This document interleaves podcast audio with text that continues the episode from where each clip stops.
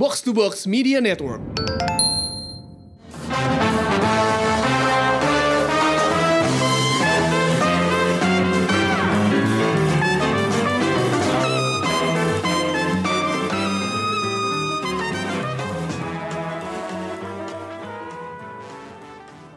Halo halo pendengar Showbox, jumpa lagi dengan gue Lisa. Dan gue Amy. Kali ini kita bakal ngobrolin serial Netflix yang judulnya Alice in Borderland. Uh, itu seru banget. Ini tuh tentang anak-anak muda yang terjebak dalam sebuah game uh, yang ternyata lo mainin secara langsung gitu. Jadi kayak lo nggak tahu lo jadi peserta game, tiba-tiba lo masuk ke sebuah game. Pokoknya seru banget. Uh, tapi sebelum kita ngobrol lebih lanjut, dengerin dulu trailer dari Alice in Borderland.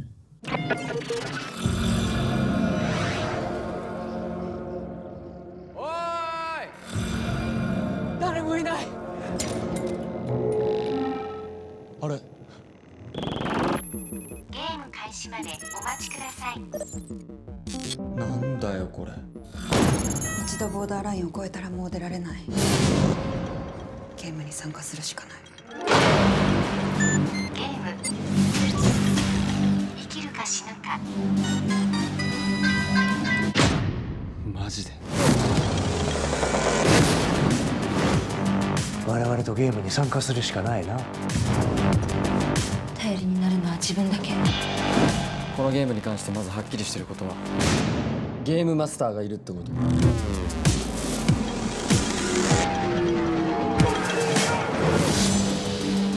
お楽しみはこれからだろ俺がこのゲームの主催者ならこのゲーム。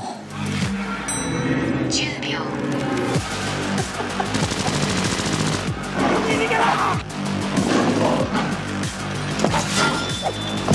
裏切り者には死を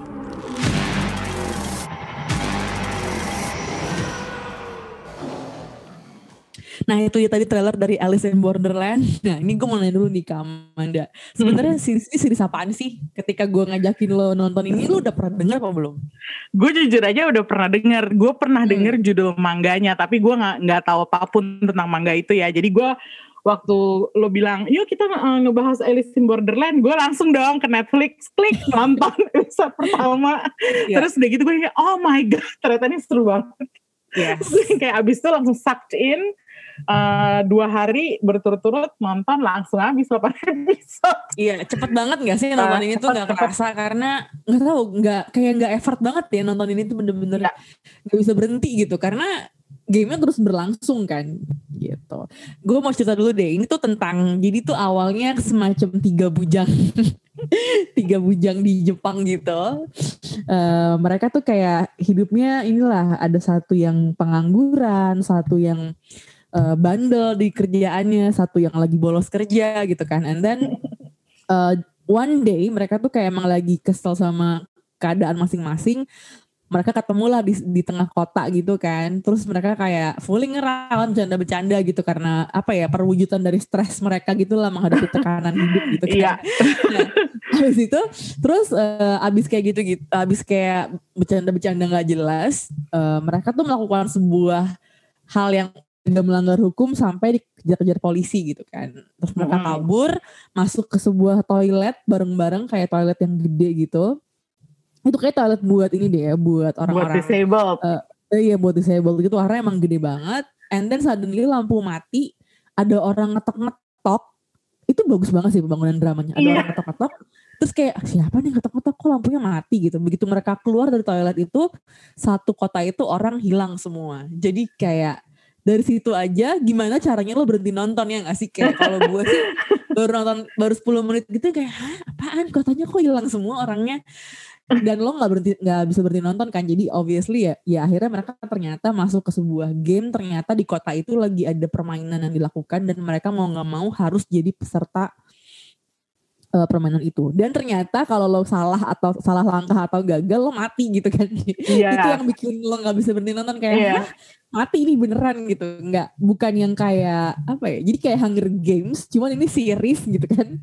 Eh, dan lo bisa dan lo kayak emang bisa teamwork aja gitu. Kalau permainannya tentang eh, itu gitu kan. Jadi tiap game itu permainannya beda-beda. Itu sih yang menarik. Ah, apa yang lo tahu tentang orang-orang di balik eh, series ini Amanda Kalau gue jujur aja gue eh, apa namanya gue nggak mengharapkan banyak ya dari series ini. Eh, meskipun setelah ngelihat apa namanya eh, filmografinya si sutradaranya yaitu eh, Shinsuke Sato, ternyata dia bikin eh, apa namanya udah banyak bikin film yang eh, adaptasi manga gitu, seperti Death Note, Light Up the World eh, Iya. yang versi Jepang ya. Terus Hmm. dia bikin Bleach, bikin ini Yashiki. Jadi eh, oh dia juga bikin Guns. Guns itu salah satu film favorit gue, adaptasi komik favorit gue yang main Ninomiya Kazunari. Terus udah gitu apa namanya? eh, jadi waktu gue denger, gua, waktu gue tahu siapa yang bikin, which is eh, Shinsuke Sato, gue langsung merasa ah ternyata dia yang bikin gitu. Nah Hmm, terus udah gitu eh, pemain-pemainnya tuh juga lumayan ini ya eh, apa namanya lumayan lumayan familiar wajahnya kalau lo Hmm. eh, apa namanya sering nonton kayak contohnya nih yang jadi Usagi eh, itu dimainin sama uh, Tao Suchiya. Tao Suchiya itu main di eh, film-film Rurouni Kenshin. Dan Hmm. apa kalau lo udah tahu film-film judul-judul yang adaptasi manga kan Jepang banyak banget ya adaptasi mangganya. Lo kayak mengenali oh itu dia, oh itu dia gitu. Kalau menurut Oke. gue itu salah satu hal yang lumayan menarik untuk uh, orang-orang yang suka genre adaptasi manga ya. Cuman uh, kalau menurut gue sebagai gue sebagai penonton uh, awam bisa dibilang yang Hmm. nggak ngerti Hmm. mangganya, buat gue Hmm. episode pertamanya tuh udah cukup cukup apa namanya uh, Hook ya? hook gitu.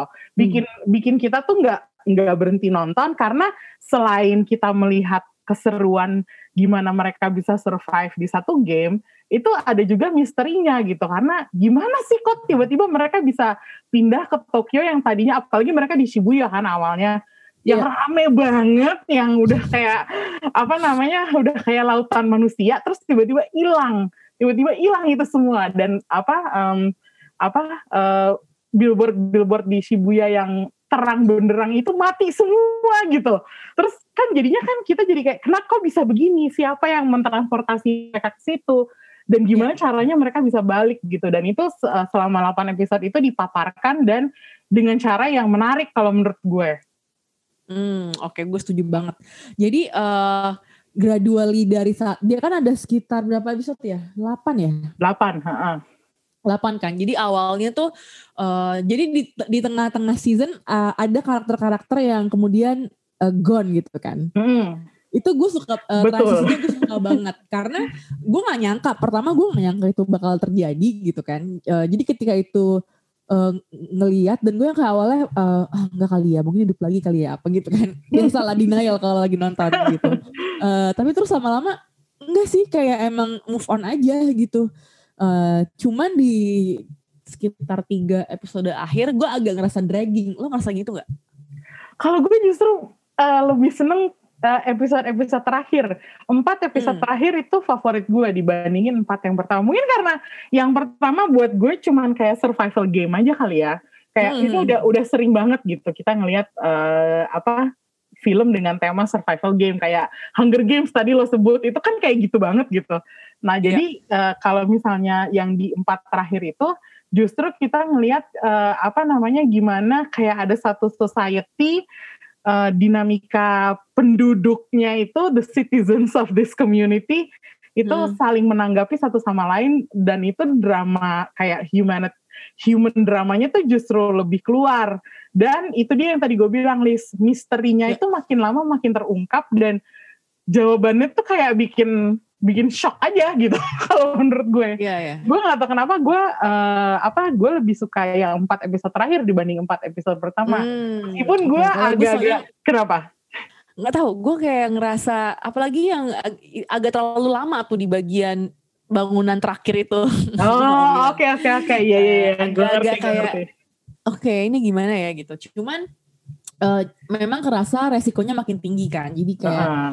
eh, jadi nih kalau yang belum pernah nonton oh, belum pernah dengar tentang Alice in Borderland jadi permain ini tuh permainan-permainan yang muncul di tiap di kota ini tuh permainan berdasarkan jenis kartu yang biasa kita mainin kartu rani gitu kan jadi kayak eh, ada ada hati ada apalagi sih sekop ya ada sekop Hmm. eh, pokoknya gitu gitulah cuman yang yang paling nyebelin tuh kalau permainannya tuh permainan kartu hati gitu kan. Jadi Mhm. dan itu angkanya dari saat dari 2 sampai 9 tuh yang emang makin lama makin susah gitu.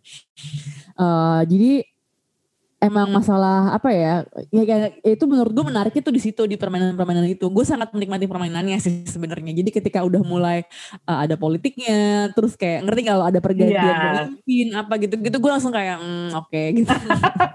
justru Kayak, justru kalau lo lebih menikmati survival gamenya itu ya berarti iya, ya. karena menurut gue seru dan apa no nonsense aja gitu kayak beneran dari awal gimana caranya untuk hidup pokoknya kayak gitu kan. Jadi eh gue nggak tahu ya maksudnya mereka kan pengen keluar dari game itu gitu gimana caranya. Terus gue yang kayak it, penjelasan yang dikasih ke kita itu menurut gue nggak cukup memuaskan gitu. Jadi lama-lama gue ngerasa kayak Hmm. Apa sih lo disuruh ngumpulin eh, kartu terus Oh, yang iya. keluar cuma satu orang itu kan gak visible untuk berapa ratus orang yang terjebak di game itu gitu. Iya. jadi gue kayak aduh aduh gue kayak nggak pengen ke situ gitu sebenarnya. Cuman kan the show is going that direction jadi ya udahlah gitu. Cuman ya itu makanya akhir-akhirnya gue agak-agak kurang menikmati. Kalau lo kenapa lo menikmati akhir-akhirnya?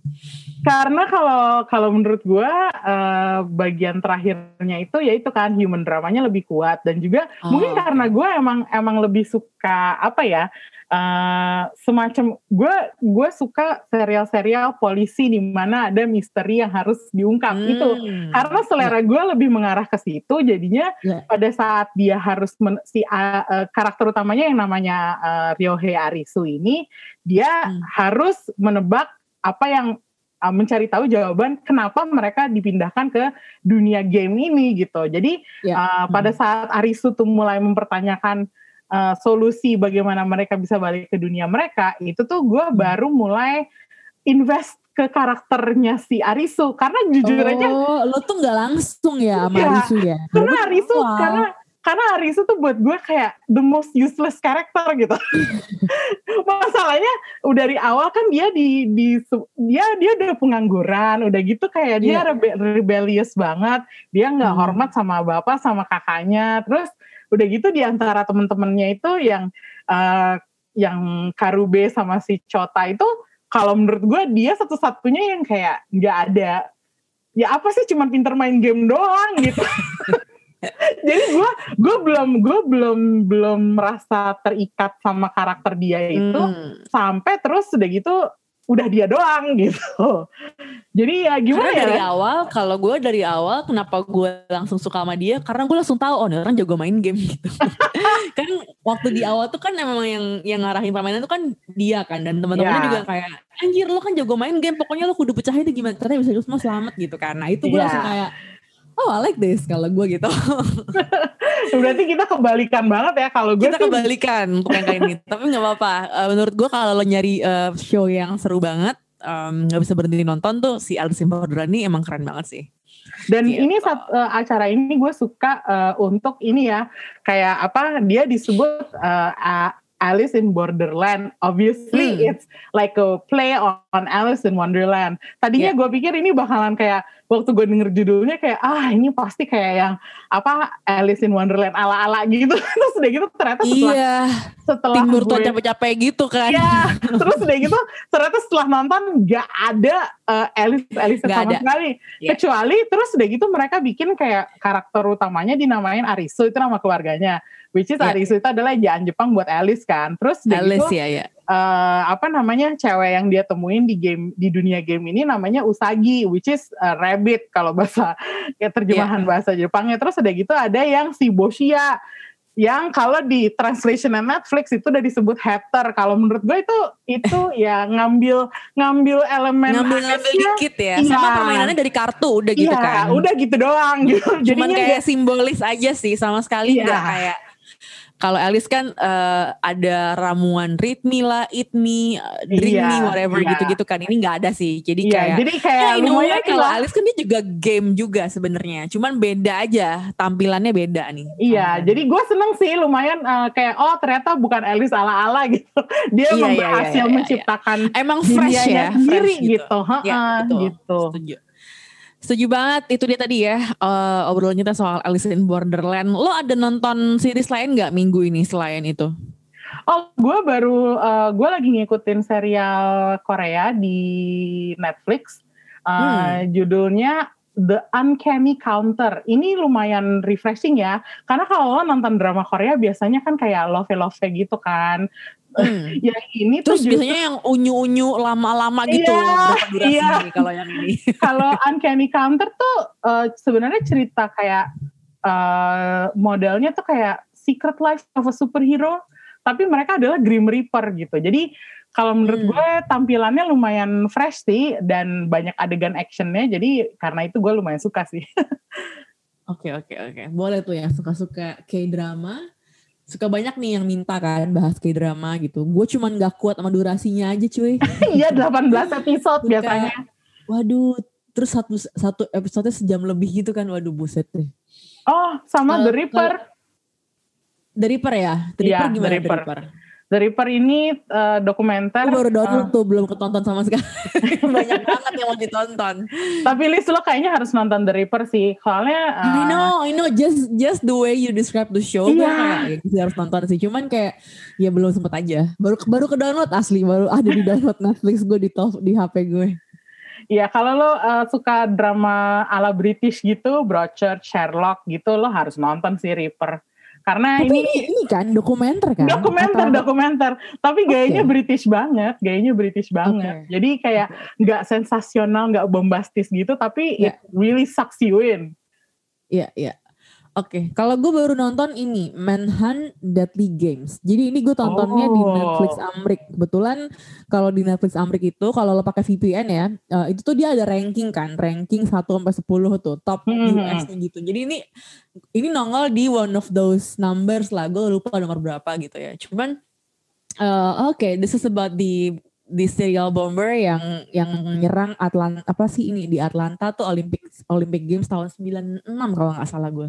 Oh, lupa. oke. Jadi this is a, a, a- story about bomber sebelum uh, 9/11. Jadi kayak oh apparently ada ya bomber di Amerika sebelum uh, 9/11.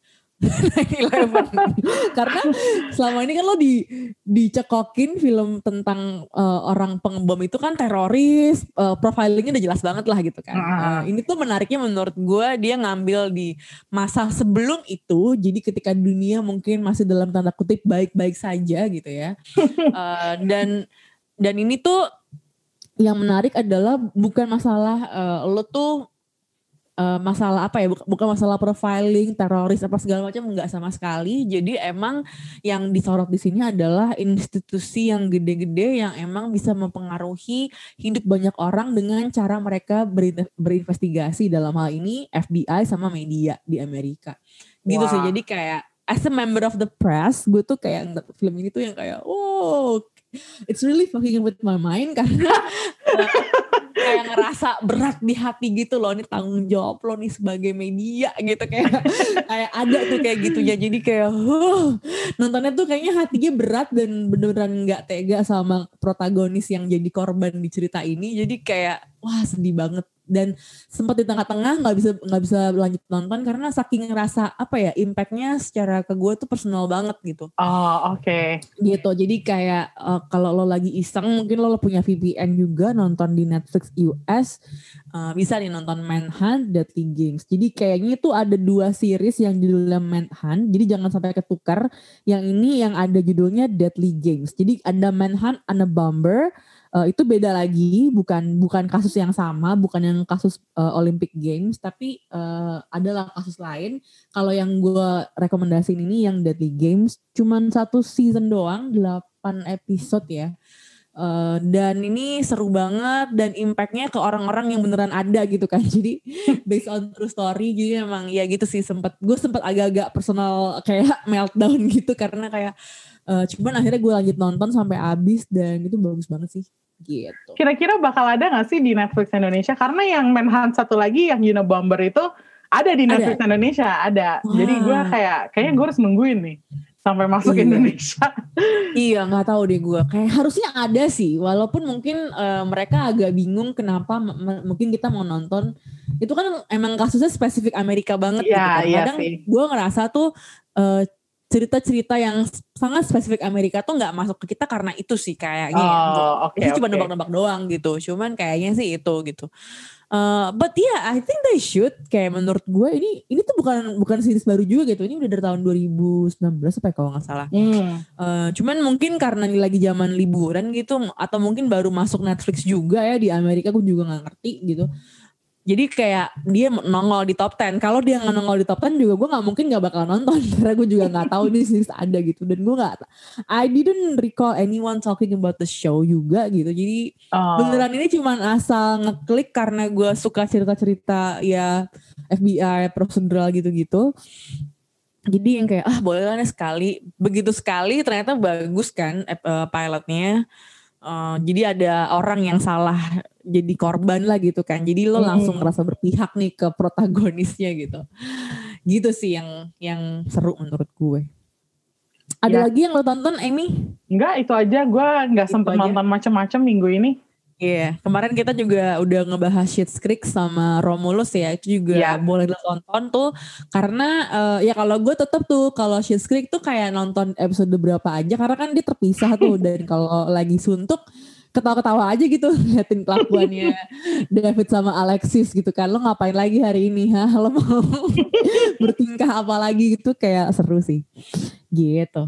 Ya udah thank you banget yang udah dengerin Showbox. Sampai jumpa minggu depan. Bye bye Bye.